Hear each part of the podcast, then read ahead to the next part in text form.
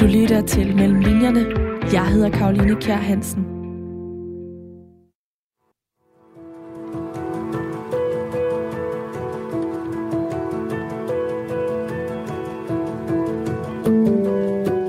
På sit værelse sidder Line. Det er ikke sådan et typisk teenageværelse med påklistrede plakater her, der og alle vegne. Det ligner nok mere et studerkammer eller en lille klostercelle. Centralt i rummet, der står Lines skrivebord med hendes computer. Og på væggen lige over, der hænger der et stykke hvidt af fire papir med teksten. Hvis bedre er muligt, så er godt ikke godt nok. Line hun var en af de piger, som den danske befolkning kunne følge i dokumentarserien De Perfekte Piger. Det var en serie, der blev sendt på DR tilbage i 2015, og lige siden har der været et skærpet fokus på unges, altså både pigers og drenges, mistrivsel. Et fokus, som kun er blevet fastholdt her under coronanedlukningen, hvor de unge ser ud til at have fået det endnu dårligere, og altså dårligere end nogensinde før. Det viser flere undersøgelser, blandt andet en fra Aarhus Universitet, hvor 25 procent af de 18-34-årige angiver, at de føler sig ensom. Det er svært præcis at afgrænse, hvor mange unge, der er i psykisk mistrivsel, men det skønnes, at det er omkring mellem 5 til 10 procent. Men hvordan kan det være, at flere og flere unge de får det dårligt, når de har forudsætningerne for at have det bedre end nogensinde før? Det spørgsmål, det forsøger bogen utilstrækkeligt, der har undertitlen Hvorfor den nye moral gør de unge psykisk syge at give et svar på. Det er en bog, som jeg selv har læst med stor fornøjelse, for den er både nytænkende og har gjort mig klogere på den unge generation i dag, som jeg vel nærmest selv er en del af. Og det er derfor, at Utilstrækkelig er den bog, jeg i dag dykker ned mellem linjerne i. Kære lytter, rigtig hjertelig velkommen til Mellem Linjerne her på Radio 4. Programmet, hvor jeg taler med nogle af Danmarks dygtigste forfattere om alle de forberedelser og oplevelser, der ligger før deres bøger kunne skrives. Altså alt den research, der er mellem linjerne i deres bøger. Og også hjertelig velkommen til dig, Christian Hjortkær, som er forfatteren bag den her genistreg. Ja, tak for det. Du er øh, uddannet teolog, du har en kandidatgrad i teologi, og så har du en Ph.D. Men så er du også højskolelærer på Silkeborg Højskole, og faktisk så øhm, det faktum, at du har den her Ph.D. og er underviser, er egentlig årsagen til, at du begyndte at skrive den her bog.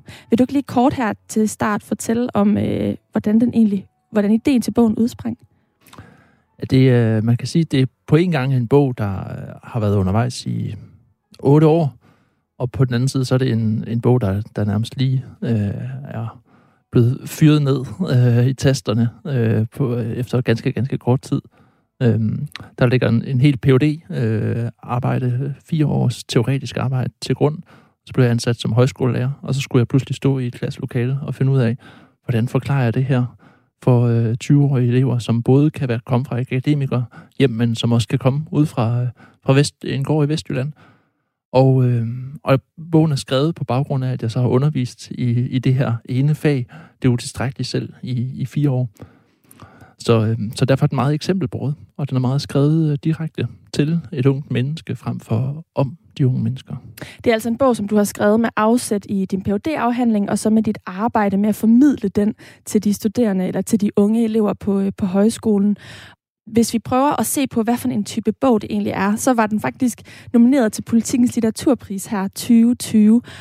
Men det er jo ikke en skønlitterær bog. Den følelse, jeg sidder med efter at have læst den, det er, at det er en øh, debatbog. Hvordan vil du egentlig selv betegne den?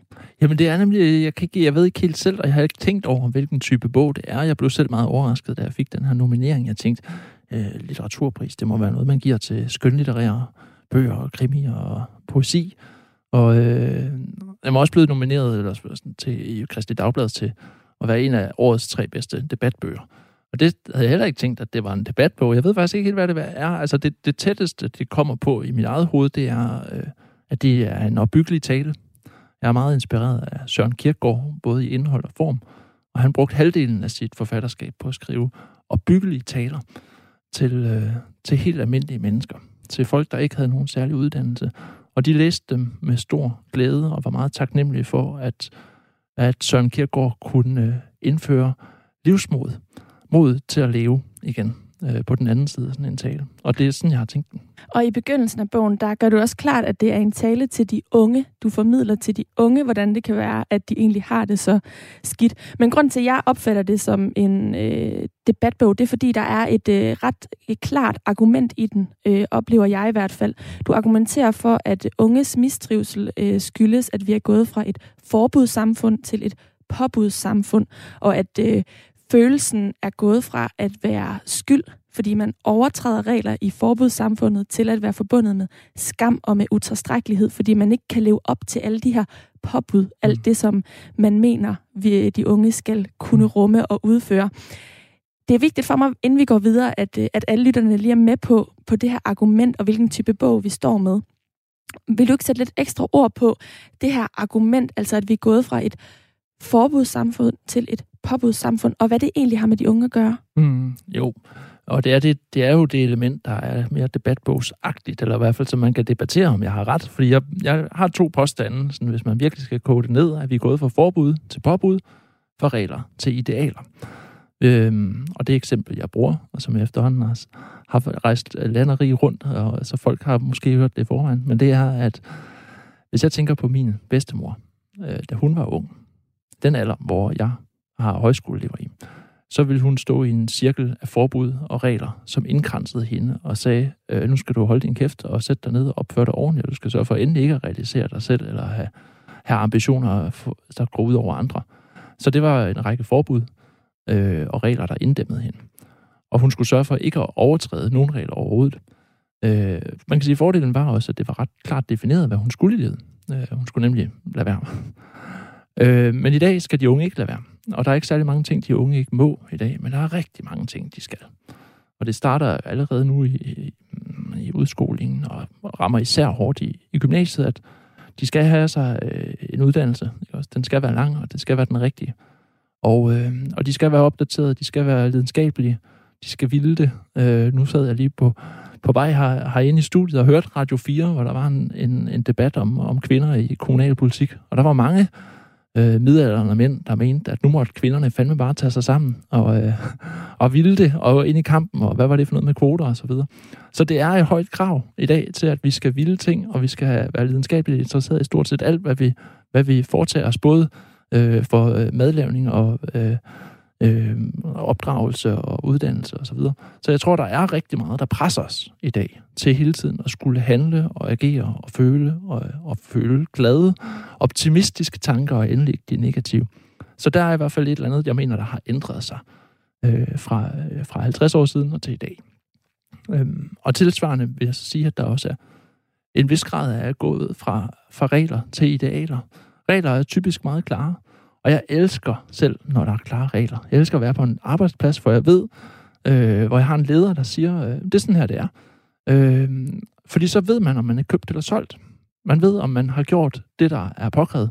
Eller om, om for os at vide, hvis man har gjort noget forkert. Men i dag er langt de fleste ting mere udsvævende og mere diffuse. Og, og, og på tværs af alle generationer, så har vi den der følelse af, hvornår har jeg egentlig gjort nok her? Hvor, hvor, altså, det, det kan, jeg tænker, du kender det garanteret også fra dit eget arbejde her på en, på en radio, og folk kender det fra, fra alle mulige kommunale, offentlige og private ja, arbejdspladser. Hvornår har jeg gjort tilstrækkeligt her? Og der tror jeg, at vi kommer af sådan en protestantisk arbejdsetik, som vi gerne i Danmark, Norden, gerne vil gøre lidt mere, end der er krævet af os. Samtidig har vi fået sådan en ledelsesstrategi fra USA, der siger, at øh, arbejderne er doven og gør nok lidt for lidt, og det er en rigtig skidt kombination, det her.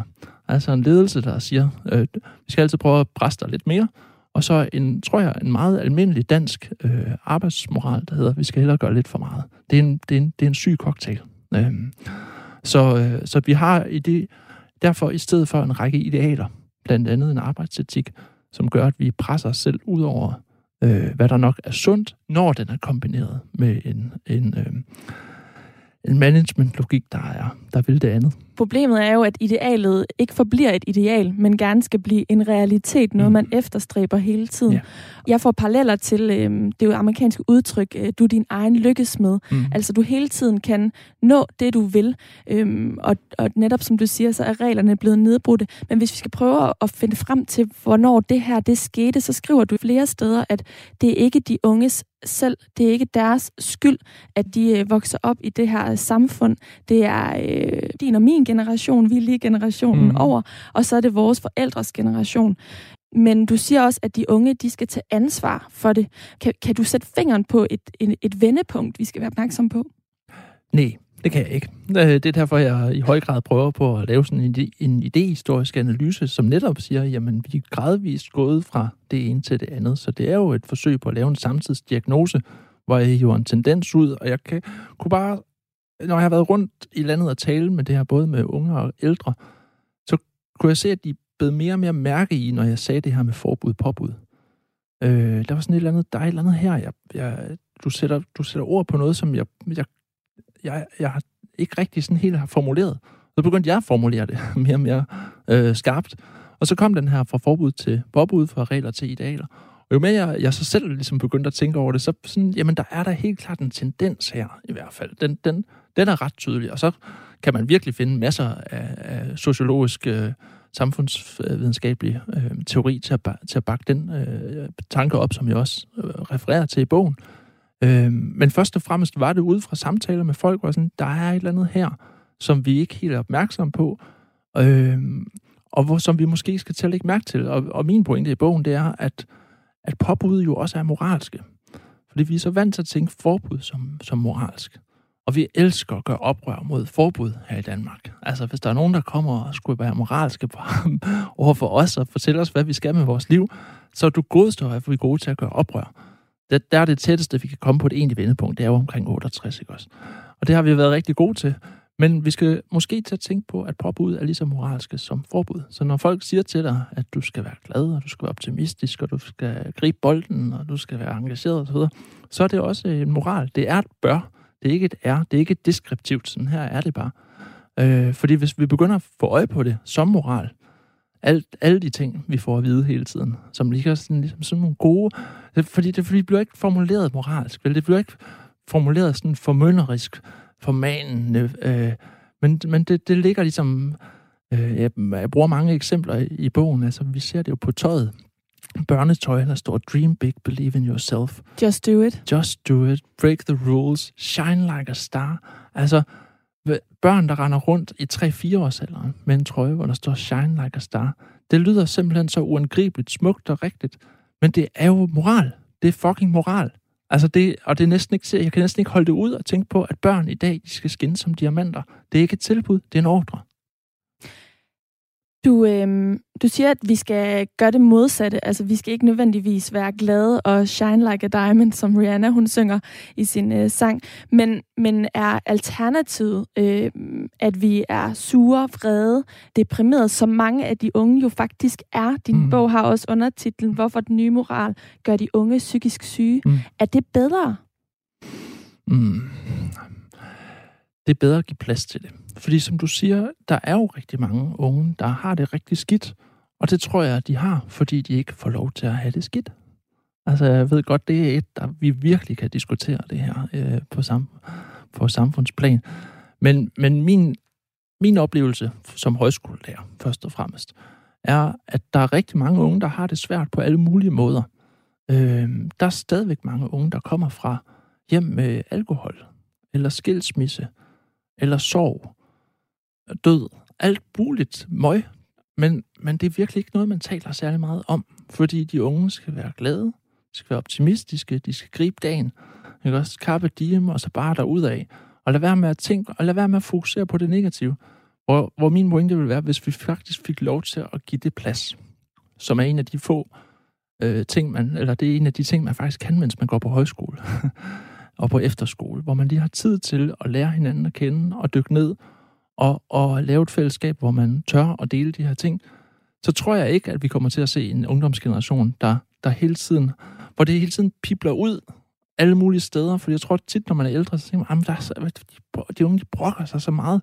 Ja, men det er fordi, det kommer ud ligesom mellem sidebenene, eller det kommer ud på sådan en anstrengt måde, hvor min egen erfaring er, at hvis man får lov til virkelig at, at tage det alvorligt, og det er det, jeg prøver i bogen, at tage de unge alvorligt, at de faktisk har problemer, i stedet for at de hele tiden får at vide, du har kun luksusproblemer. Du er så, du er så privilegeret, du har alle muligheder. Ja, men der er stadigvæk ting, jeg går og bakser med, og dem får jeg ikke lov til at sætte ord på, og derfor så bliver det som den her kedel her, der på et eller andet tidspunkt eksploderer. Men de her problemer, som du nævner, alkoholisme, skilsmisse, sorg, det er jo essentielle problemer. Mm. Problemer, som vores forældres generation også har bakset med. Og der så vi ikke, at lige så mange havde det svært. I hvert fald ikke rent statistisk. Så i virkeligheden er det måske sygeliggørelsen af mm. eksistensen, og at livet gør ondt og er svært og udfordrende, der er skyld i meget af de her øh, statistiske udskejelser, vil jeg næsten mm. kalde det. Mm. Jamen, og ja, og det er også en ting, man øh, slås om inden for socialvidenskaberne. Øh, er, er, der, er der egentlig en stigning i, i lidelse, eller er en stigning i diagnoser? Og det, det tager man to modeller, og så kan man slås om, hvad for en af dem, der er rigtig. Øh, for, for mig er det, øh, jeg tror, de begge to er rigtige. Jeg tror, vi er blevet bedre til at diagnostisere på godt og ondt. Jeg mener også, der er rigtig meget godt i, fordi vi fanger os mange, som før gik for lud og koldt vand. Og tit, når jeg er ude til måske en sovneaften, og det er en ældre generation, så er sådan lidt, jamen, det, altså dengang jeg var ung, ikke også så barn, så gik, kom vi med ud i parken, og så arbejdede vi 12 timer om dagen og, og med roer, ikke også. Og så kom vi ind, og så havde vi sådan et godt arbejdsfællesskab, og sådan lidt, jamen du grødste 12 timer slavearbejde, er det virkelig noget, vi skal romantisere? Altså, så, så der er nogle samfundsvilkår, der har, har ændret sig, og jeg vil ikke tilbage til at, at arbejde 12 timer. Og der var, også, der var børn, der døde. Altså, der var masser, og, og hvis ikke de døde, så, så blev de så alkoholikere. Ikke også? Altså, og, og, eller, eller selv, endte selv med at være dem, der misbrugte deres børn. Altså, du godeste var jeg glad for, at vi er kommet derhen, hvor vi i dag også har en ungdomsgeneration, der har langt færre tabuer. Altså helt ned til, at i dag er det jo ikke et tabu at, at, at have sprogvanskeligheder, eller sådan at være, være ordblind. Det, vi skal ikke så langt tilbage, før det var øh, voldsomt stigmatiserende. Så, så jeg tror, man skal passe på med at romantisere en, øh, en ungdom, øh, for, for tidligere ungdom, som havde det bedre. Jeg mener hverken, at, at de unge i dag har det bedre eller værre.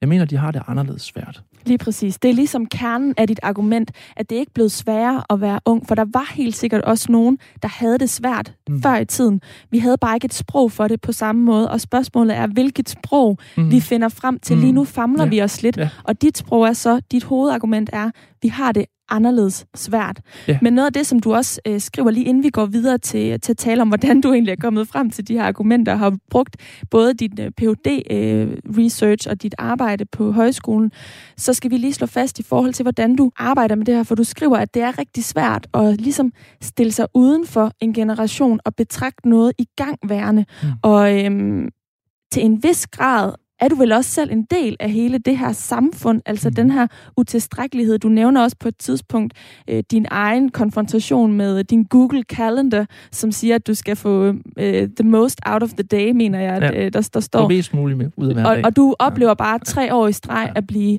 skuffet, når du går i seng, mm. fordi at du øh, fejler gang på gang. Du, du får ikke mere og mere ud af dagen. Du når ikke alt det, du vil. Men hvordan har du helt konkret arbejdet med det her, øh, den her problematik, når du selv er en del af, af den mm. på mange måder? Jeg, jeg, jeg, jeg, jeg er lige så meget underlagt det, som de unge er. Men jeg tror, forskellen er, at jeg er lige det hak ældre. Ikke også? Jeg er 40 år nu, jeg er voksen, jeg har to børn. Øhm, så det her bliver tit, altså tit bliver bogen her øh, beskrevet som en, en, en generationsdiagnose, altså netop af de unge.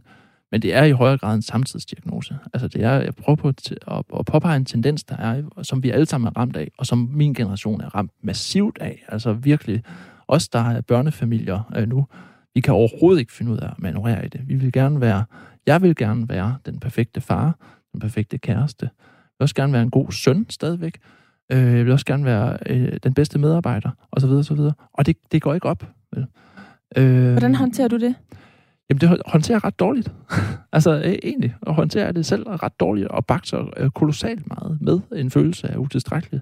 Øh, utilstrækkelighed. Og jeg, jeg føler den hver eneste aften, når jeg øh, skal putte min datter. og, og synger, øh, synger aftensang for hende. Øh, det her med Øhm, tilgive os for det, vi ikke fik nået, og tilgive, hvad øh, ondt vi fik gjort eller sagt. Øhm, en øh, dejlig, dejlig aftensang, men som også rammer mig, øh, fordi jeg synes aldrig, jeg har øh, fået gjort øh, tilstrækkeligt øh, i løbet af dagen. Øh, og, og jeg tror også, at øh, det er nok også grunden til, at bogen øh, rammer nogen. Øh, det er nok, fordi den også rammer mig selv. Og jeg kunne ikke have skrevet den her bog, hvis ikke jeg selv baksede øh, intenst med, med præcis de samme problematikker. Så den handler, øh, den er skrevet til de unge, men den handler om os alle sammen, og jeg, jeg hører og får mails og, og kommentarer og, og, og, og telefonopkald fra, fra folk i alle aldre, altså, der, der føler sig ramt af det her, fordi det er en samtidsdiagnose. Men for mig var det vigtigt som den voksne at tage et ansvar og sige, det er også vores generation, der om ikke har lavet problemet, så i hvert fald ikke har formået at gøre op med det. Så det er kommet videre til den næste generation, som så på en eller anden måde skal, skal lide af og lide under de idealer og de påbud, som, som vi i højere grad end dem har valgt. For de unge har aldrig valgt det her. Der er ingen unge, der har valgt at vokse op i et påbuds- og idealsamfund. Det, det kan de af god grund ikke have valgt, for de er ikke myndige endnu. Men som en pointe er, men det er på en eller anden tragisk måde alligevel deres ansvar at finde ud af, hvad i verden de stiller op med det, der ikke er deres skyld. Altså. Og med det her i baghovedet, så synes jeg, vi skal prøve at dykke lidt ned i, hvordan du er kommet frem mm. til alle de her ja. argumenter. Du lytter til Mellem Linjerne. Jeg hedder Karoline Kjær Hansen. Og for de nytilkommende lyttere, så kan jeg sige, at jeg i dag taler med Christian Hjortkær, som har skrevet bogen Utilstrækkeligt. Det er en glimrende bog, der prøver at besvare spørgsmålet om, hvorfor et stigende antal unge er psykisk syge, har det svært, tumler med livet. Vi kunne kalde det alle mulige mm. ting, øh, når at vi har flere muligheder end nogensinde før. Og vi har netop talt om, at dit hovedargument er, at det er ikke sværere at være ung, det er bare anderledes svært, eller bare er også forkert at sige, men det er anderledes svært at være ung i dag, end hvis man er født i 1950. Og øhm, den her bog er et produkt af både din Ph.D.-afhandling, men også dit arbejde på Silkeborg Højskole, hvor du underviser i et fag, der er udviklet af din Ph.D.-afhandling. Du har bygget den med afsæt i øh, x antal teoretikere mm. øh, gennem tiden, og øh, du har skrevet den her Ph.D. på Søren Kirkegaard Forskningscenteret, øh, som han spiller en kæmpe rolle i, øh, i, din, øh, i din bog her. Lad os lige prøve at dykke ned i ham allerførst. Mm. Søren Kirkegaard, han levede i begyndelsen af 1800-tallet. Hvad er det, han helt præcis står for, og hvorfor synes du, han er så interessant i den her sammenhæng? Jamen, han spiller jo sådan lidt en interessant dobbelt rolle i forhold til, øh, hvordan vi tænker eksistens i dag. Altså for det første så er Kierkegaard den, man plejer at sige, han er fader til eksistentialismen. Det er ham, der siger, at øh, man skal vælge sig selv. Øhm, og øh, det, det, øh, det er et ret godt sted at starte, fordi det får vi hele tiden at vide i dag også. Øh, du, øh, det vigtigste er, at du skal, du skal bare være dig selv, siger man hele tiden. Øh, men du skal også være dig selv. Altså, det er både et tilbud, men det er faktisk også en ordre. Selv til en jobsamtale, der skal man også være sig selv. Ikke også? Øh, men hvad i verden betyder det? Og, og tit, når man hører det i dag, så betyder så du skal vælge dig selv. Eller, det betyder, at jeg kan, så kan jeg vælge øh, at være den, jeg har lyst til at være. Og, øh, og det mest oplagte eksempel for mig, bruger jeg i hvert fald, øh, når man tager på højskole. Da jeg, da jeg selv tog på højskole for, for 20 år siden, så var det netop med en tanke om, nu kan jeg få lov til at være mig selv. Eller nu kan jeg, eller måske skal jeg formulere det sådan her. Nu kan jeg omsider få lov til at være mig selv. Ikke også? Fordi jeg kommer fra en eller anden skodby i Jylland, hvor alle har travlt med at definere, hvem jeg skulle være. Og nu kunne jeg bare endelig få lov til at være mig selv. Men, men, øh, men, men så vil Søren Kierkegaard sige, så er du ikke i gang med at vælge dig selv, så er du i gang med at udvælge en side af dig selv, som typisk vil være den glade, optimistiske, udadvendte, lidt mere dansende, kække Christian. Og så efterlader du så den sure, trælse, lidt forsmåede Christian øh, hjemme i, i, i Himmerland. Ikke også? Men så har man ikke valgt sig selv, så har man udvalgt en side af sig selv som den sande selv, og så har man skrællet det, det falske selv i dag, vil man kalde det, det øh, bort. Øh, men, men Kierkegaard spiller den her dobbelt rolle, fordi han taler lige ind i vores tid på den måde, fordi vi siger det, og det er endda et af de påbud, vi bliver mødt af hele tiden, at vi skal være os selv. Øh, så man kan simpelthen finde en sproglig genkendelse ja, fra Søren Kierkegaard ja. til i dag? Ja, fordi jeg tror faktisk, det er en kæmpe stor del af problemet, det er, at vi hele tiden i dag skal være originale, og vi skal være autentiske, osv. osv., osv. Men det betyder bare noget andet hos Kierkegaard. Det er jo det, der var interessant at få lov til at dykke ned i i fire år med en PhD, ikke også? Fordi for, for Søren Kierkegaard betyder det at vælge sig selv egentlig at stå ved sig selv. Og det er jo vildt interessant, at han har skrevet det her i altså begyndelsen af 1800-tallet, for nu talte vi lige før om, om, om, vi, om man egentlig har fået det sværere. Altså mm. rent statistisk kan vi se, at flere unge de er psykisk syge, øhm, men måske var der lige så mange, der havde det dårligere tidligere. Vi havde bare ikke øh, et sprog for det, eller nogle tal på det på samme måde. Og så kan vi gå helt tilbage til Søren Kierkegaard mm. i begyndelsen af 1800-tallet. Mm. Og hvis man læser den her bog utilstrækkeligt, så vil man også øh, støde på hans navn x antal gange i, øh, i den, fordi du refererer refererer ret ofte til ham. Skal vi ikke lige prøve at høre, hvordan du øh, blandt andet gør det?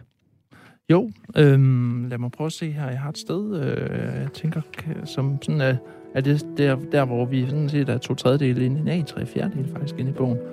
Hvor jeg tænker, at nu kommer det sted, som i hvert fald for mig selv har været måske det afgørende møde med øh, Søren Kierkegaard. Øhm, og det er altså et eksempel på, hvordan du bruger den her ja. teori, som du har researchet i, og inkorporere den i, i bogen og i dit eget argument. Ja. Etikeren taler om, at man skal vælge sig selv. Det er et påbud, ingen tvivl om det, men etikeren er også et meget moralsk ansvarsbevidst menneske. Men hvad betyder det? Ja, det betyder for det første noget helt andet end det, vi hører det som i dag, hvor vi nok vil tænke, at det betyder, at du enten skal vælge at være den, du har lyst til, Øh, for etikeren betyder det at vælge sig selv derimod at stå ved sig selv. Og det, man skal stå ved, er netop det, man ikke vil stå ved.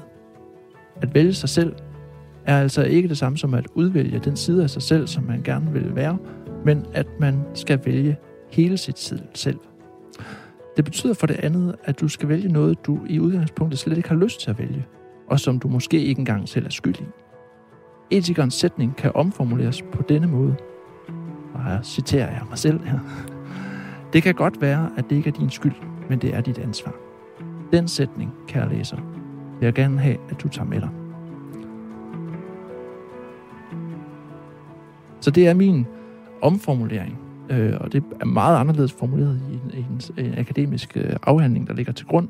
Men det er den sætning, jeg selv er nået frem til, at det kan godt være, at det ikke er din skyld, men det er dit ansvar. Og den har, den har virkelig kostet mig dyrt, den her øh, sætning. Hvordan det? det? Jamen, fordi det er jo en, der ikke kun kommer frem ved, at man læser øh, bøger og er klog og læser Kierkegaard og halleluja. Men også fordi jeg selv har gået og bakset med ting og prøvet på at forstå mit eget liv gennem øh, blandt andet øh, Søren Kierkegaards tanker om at tage sig selv, al- tage sit liv alvorligt også. Netop ture og lade de ting, der er ret forfærdelige, fylde. Øh, så jeg har selv vokset op i et hjem, hvor, hvor der har været temmelig meget, som Ja, som jeg i dag kan sige, jamen det var jo ikke min skyld, det her. Men det er jo stadigvæk mit ansvar at finde ud af, hvad stiller sig op med det, der ikke er min skyld. For ellers så bliver det meget oftest ens undskyldning. Altså hvis ikke man tager ansvar for det, der ikke er ens skyld, bliver det ens undskyldning. Og, og så kæmper man mod det. Ikke? Og så, så er der et eller andet, og det tror jeg, alle kender, at de har et eller andet smerteligt med, som de ville ønske, de ikke havde haft med. Og de fleste af os mennesker, vi vil Kierkegaard sige, vi bruger vores liv enten på at blive os selv, eller at flygte fra os selv. Og langt det meste af tiden bruger vi, inklusive mig selv, på at flygte fra mig selv. Men hvis jeg så får at vide, hvor det her, det er jo ikke din skyld, så er det som, min egen erfaring er, at jeg får lidt mere luft i lungerne. Jeg kan ligesom trække vejret lidt dybere, ikke også? Og så, når jeg får søren, det er jo ikke det her. Eller sådan. Og så kan jeg faktisk træde ind i det ansvar, øh, i mod, ansvaret. Får du ja, ja, jeg får faktisk netop det mod, som jeg mener, Kierkegaard er så vanvittigt god til at, at give sin læser.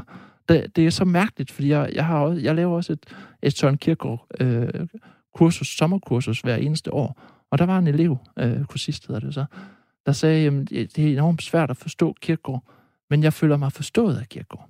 Og tænk en gang, at man kan sidde og læse noget, der er 150 år gammelt, og så har man den følelse af, at her er et menneske, der forstår mig. Det, Hvorfor tror du, det er sådan?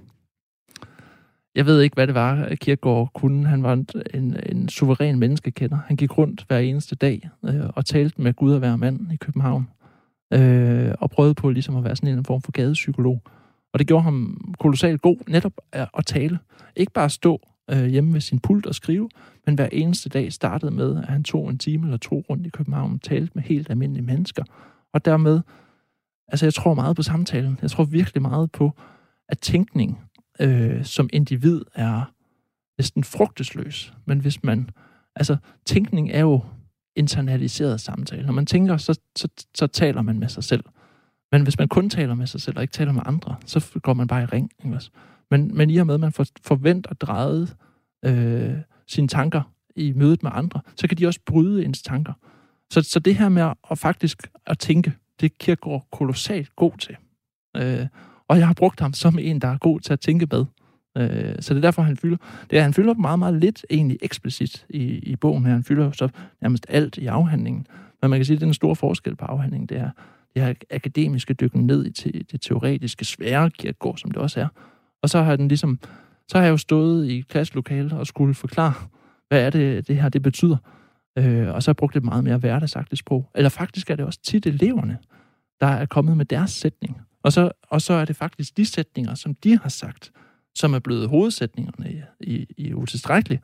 Og så bruger jeg så Kirkegaard til at bakke bakke det op med, kan man sige. Og alle dine konklusioner her knytter du op til eksempler, som ligesom udspringer fra dine observationer i dag eller populærkulturen, mm. så dermed så får man som læser også hele tiden forklaret det i en moderne kontekst. Men jeg er godt klar over den her sætning, øh, det er ikke din skyld, men dit ansvar. Det er din sætning, det er en, du udleder mm. øh, med afsæt i Kirkegård. Mm. Men har Kirkegård øh, en, øh, et bud på, hvordan vi øh, lever op til det her ansvar? Mm. Mm, det, nej, det kan man ikke sige, fordi øh, Kierkegaard vil sige, det, det gør man ikke. Altså, det er jo netop det, der er problemet. Altså, øhm, han vil, jeg tror, han ville sige, hvis jeg, jeg får lov til at stå og tale med ham, så vil jeg sige, jamen, du, øh, det, det, vi er dybt utilstrækkelige. Altså, det er faktisk ikke en defekt ved mennesket. Det er et vilkår ved mennesket, at vi er utilstrækkelige i forhold til, de, til den etik og den moral og de idealer, vi stiller op. Der er vi faktisk utilstrækkelige. Det, der er også, jeg har også et sted i bogen, hvor jeg siger, jamen, der er også gode påbud. Altså, elsk, elsk, din, øh, elsk din næste. elsk din næste er også et påbud, og det er, vil Kierkegaard sige, umuligt at leve op til. Øh, der er vi faktisk utilstrækkelige, fordi hvornår har man gjort det godt nok? Øh, det kan man ikke. Og derfor må man også, når, øh, når aften går på held, og stjernerne kommer frem, så må man så bede om tilgivelse for alt det, man ikke fik nået. Du kommer heller ikke med et, øh, et svar på, hvordan man skal forholde sig til den her problematik. Det, du kommer ikke med nogen løsninger, mm. men du øh, kommer med et eksempel på, at vi ser en faktisk en udvikling i øh, de her, den her sprogbrug i populærkulturen, med blandt andet Minds of 99 mm. sang alle skuffer over tid, ja. og at den, er, den her utilstrækkelighedsfølelse er en, vi skal lære at leve med.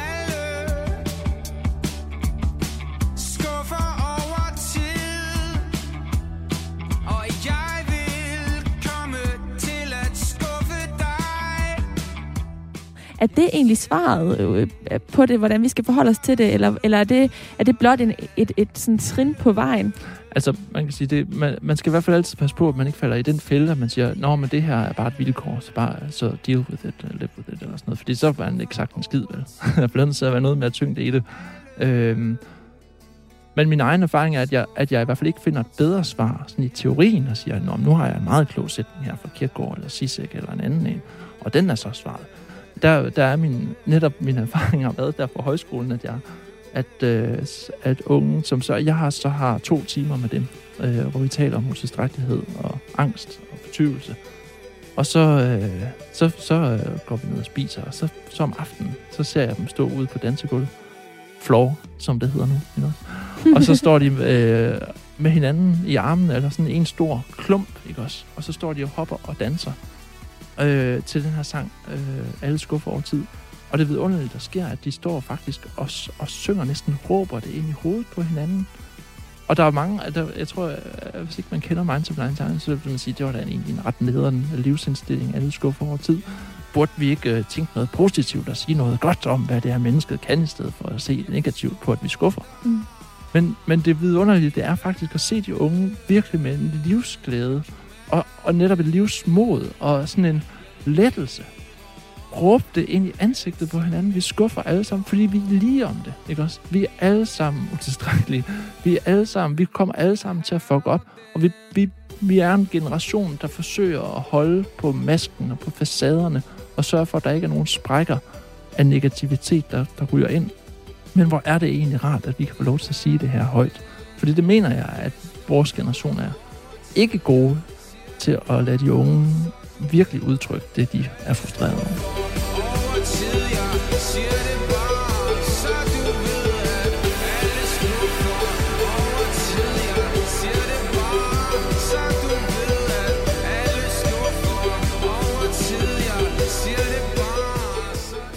Den her sang er en, jeg øh, har lyttet rigtig meget til selv.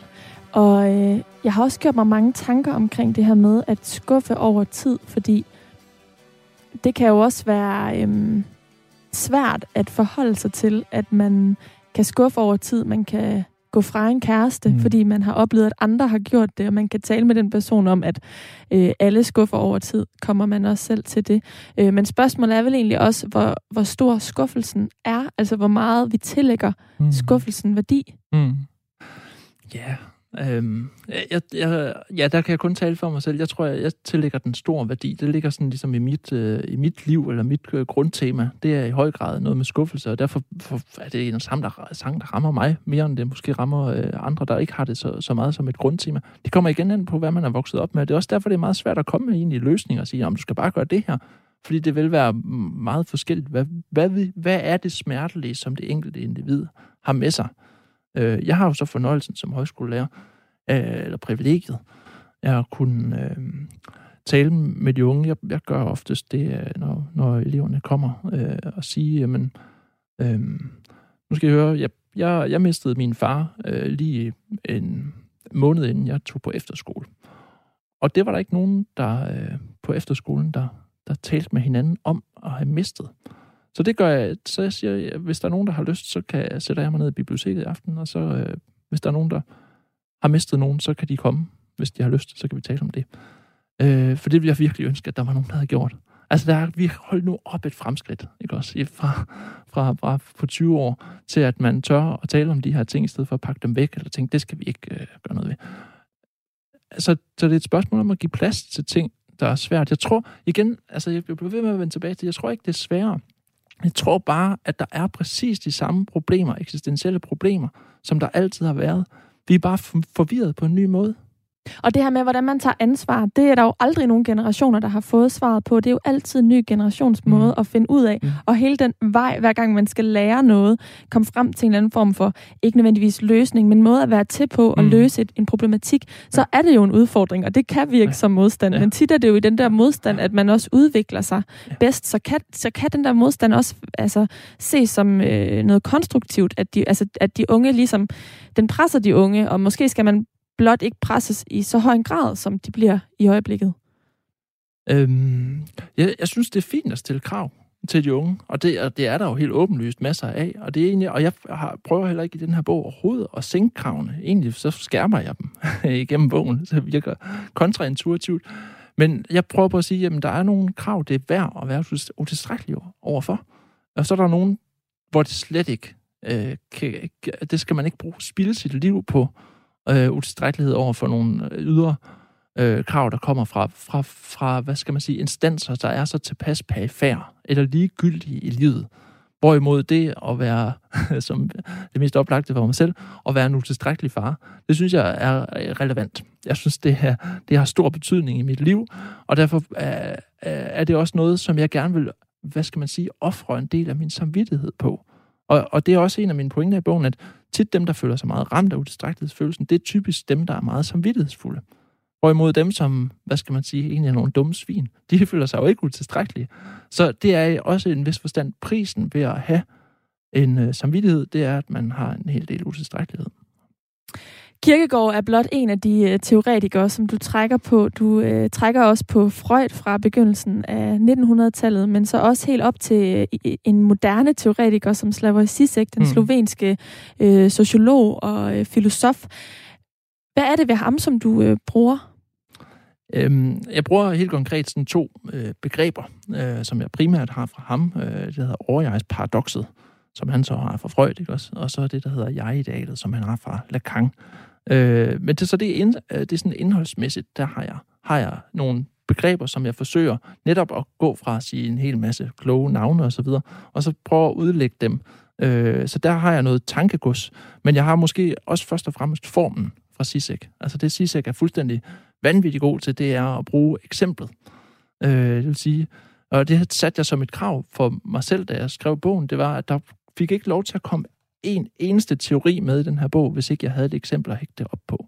Så, så, så det, jeg, jeg vil egentlig påpege mest, det er nok egentlig, at formen øh, er noget, jeg har fra netop Sisek og, og Kierkegaard. Og det er altså noget af det, der gør den her ret let spiselig, men en anden ting er også selve sproget, som du har fået ved øh, at tilbringe de her mange, mange timer med dine elever. Mm. Og øh, det bruger du helt konkret også i, øh, i bogen. Vi har aftalt, at du lige skal læse højt, hvordan du egentlig har brugt den research, altså alle de her snakke, du har haft med dem, hvad enten det har været i kaffestuen, eller i undervisningslokalet, eller som observatør, øh, når de har været på dansegulvet. Så dit liv på højskolen har også smittet af øh, i, øh, i den her bog, som vi står med i dag. Ja.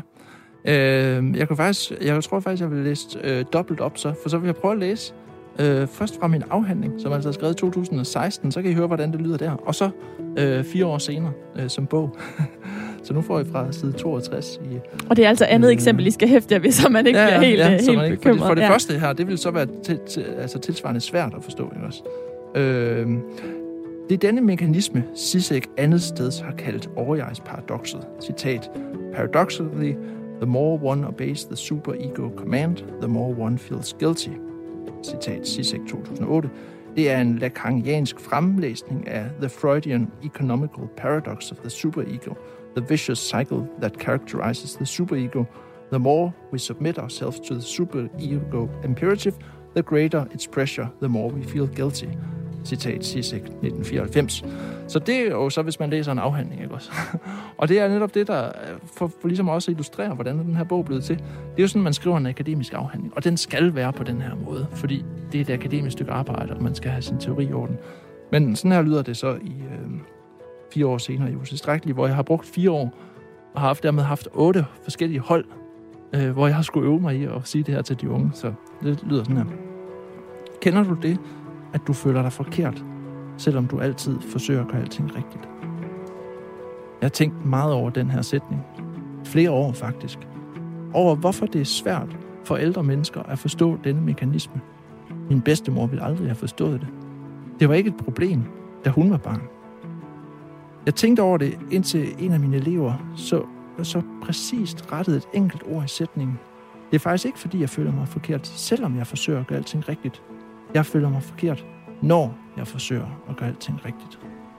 Her var der rigtig mange ting, der faldt på plads. Utilstrækkelighedsfølelsen kommer ikke på trods af handlingerne, men på grund af dem. Det er ikke sådan, at det at gøre det, der bliver forventet af dig, hjælper på utilstrækkelighedsfølelsen.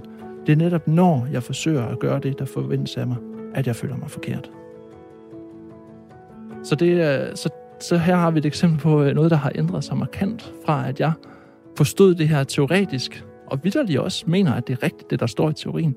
Men, men jeg tænkte, hvis jeg skal hvis det her skal med i bogen, så bliver jeg nødt til at, at have det formuleret et sted, hvor vi starter. Kender du den her følelse her? Kirkegaard, Freud, Sisek, også Brinkmann til en vis grad, fordi han var øh, ind over din øh, Ph.D.-afhandling, da du øh, bestod den i sin tid i 2016.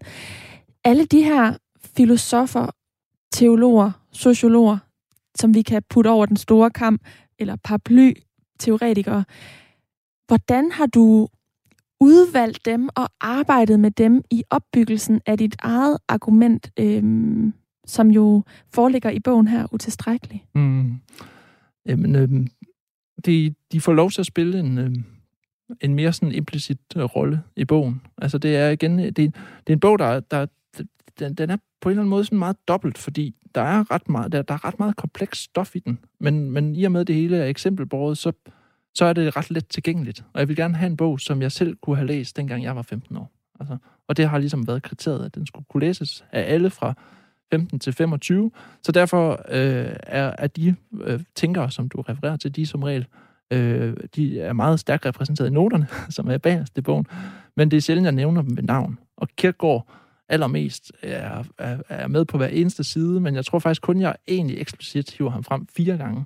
Øh, så som du selv sagde tidligere i programmet her, så han er med overalt. Men det er faktisk meget sjældent, man nævner ham. Fordi jeg, jeg er i en vis forstand ligeglad med, om det unge menneske kan sige kirkegård og frøl og sisæk og så videre. Men igen, kender du den her følelse her, så kan vi tale sammen. Så, så de er med, men de er hele tiden brugt til at understøtte mit argument, og ikke som dem, der har et argument, som jeg så forsøger at gengive. Så det, ja. Men Christian Jorka, jeg er godt klar over, at du kender alle de her filosofer i kraft af din øh, uddannelse, men, men du kunne jo have valgt en hvilken som helst mm. at have taget med. Du har jo haft en eller anden form for sådan udslusningsfase, hvor at du har udvalgt, det dem her, jeg vil støtte mig opad.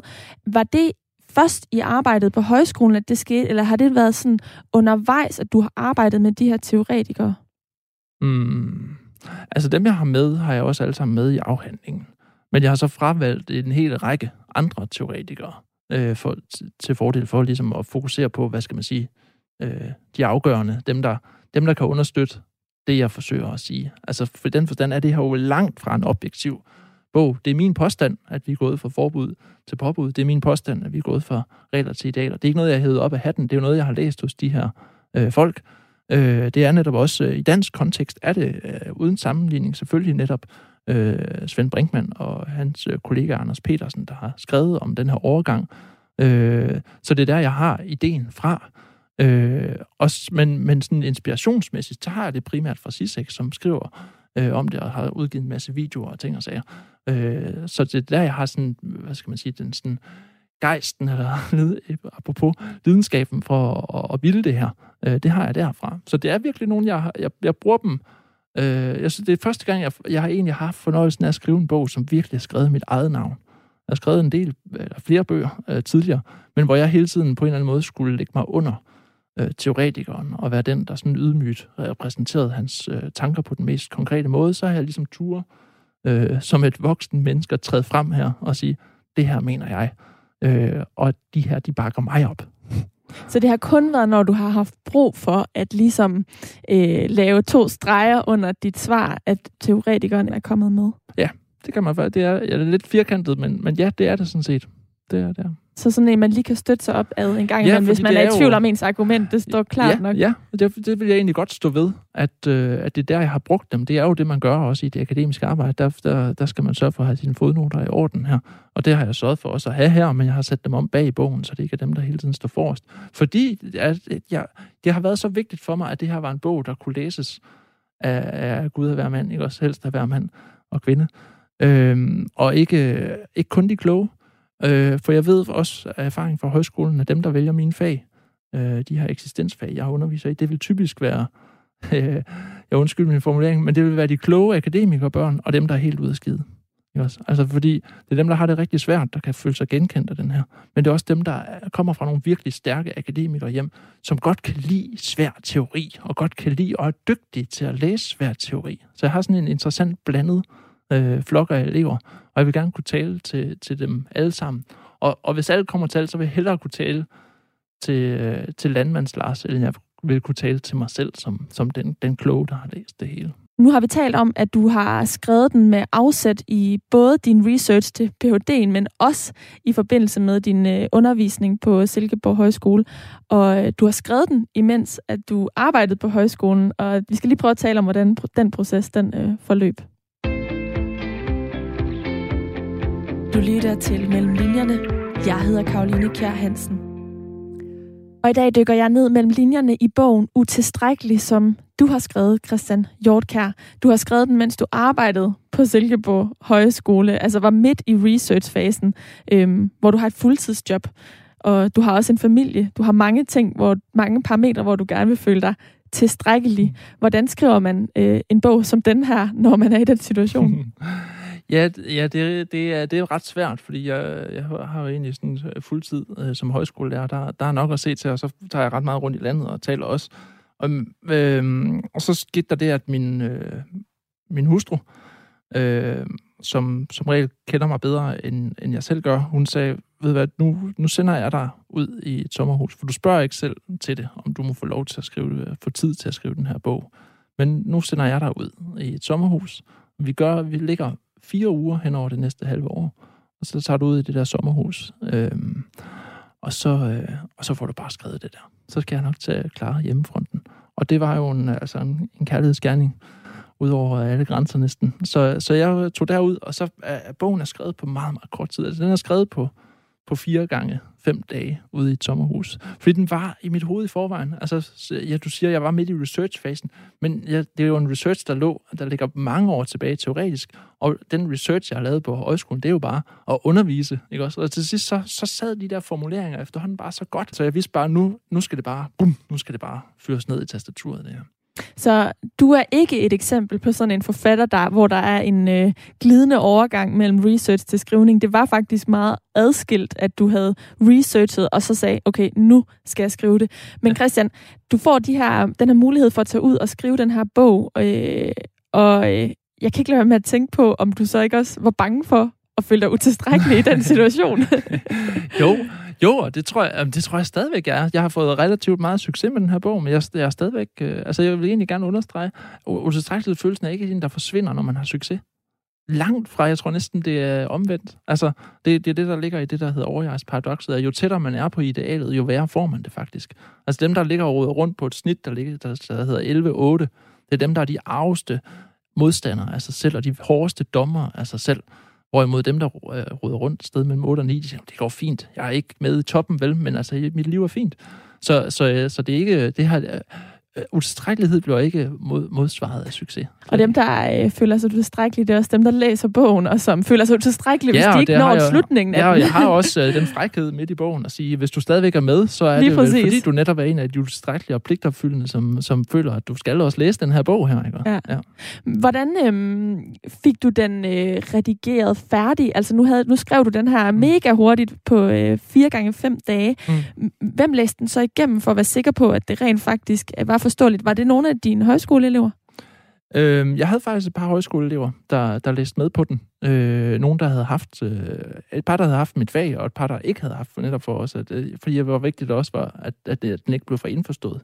Øh, så, så det var jeg meget taknemmelig for, at, at der ligesom var nogen, der gad læse den. De havde sådan enkelte steder, hvor sådan, det er lidt uklart, eller det forstår jeg ikke, eller hvorfor bruger du det her eksempel, for i timerne brugte du det her eksempel, og sådan.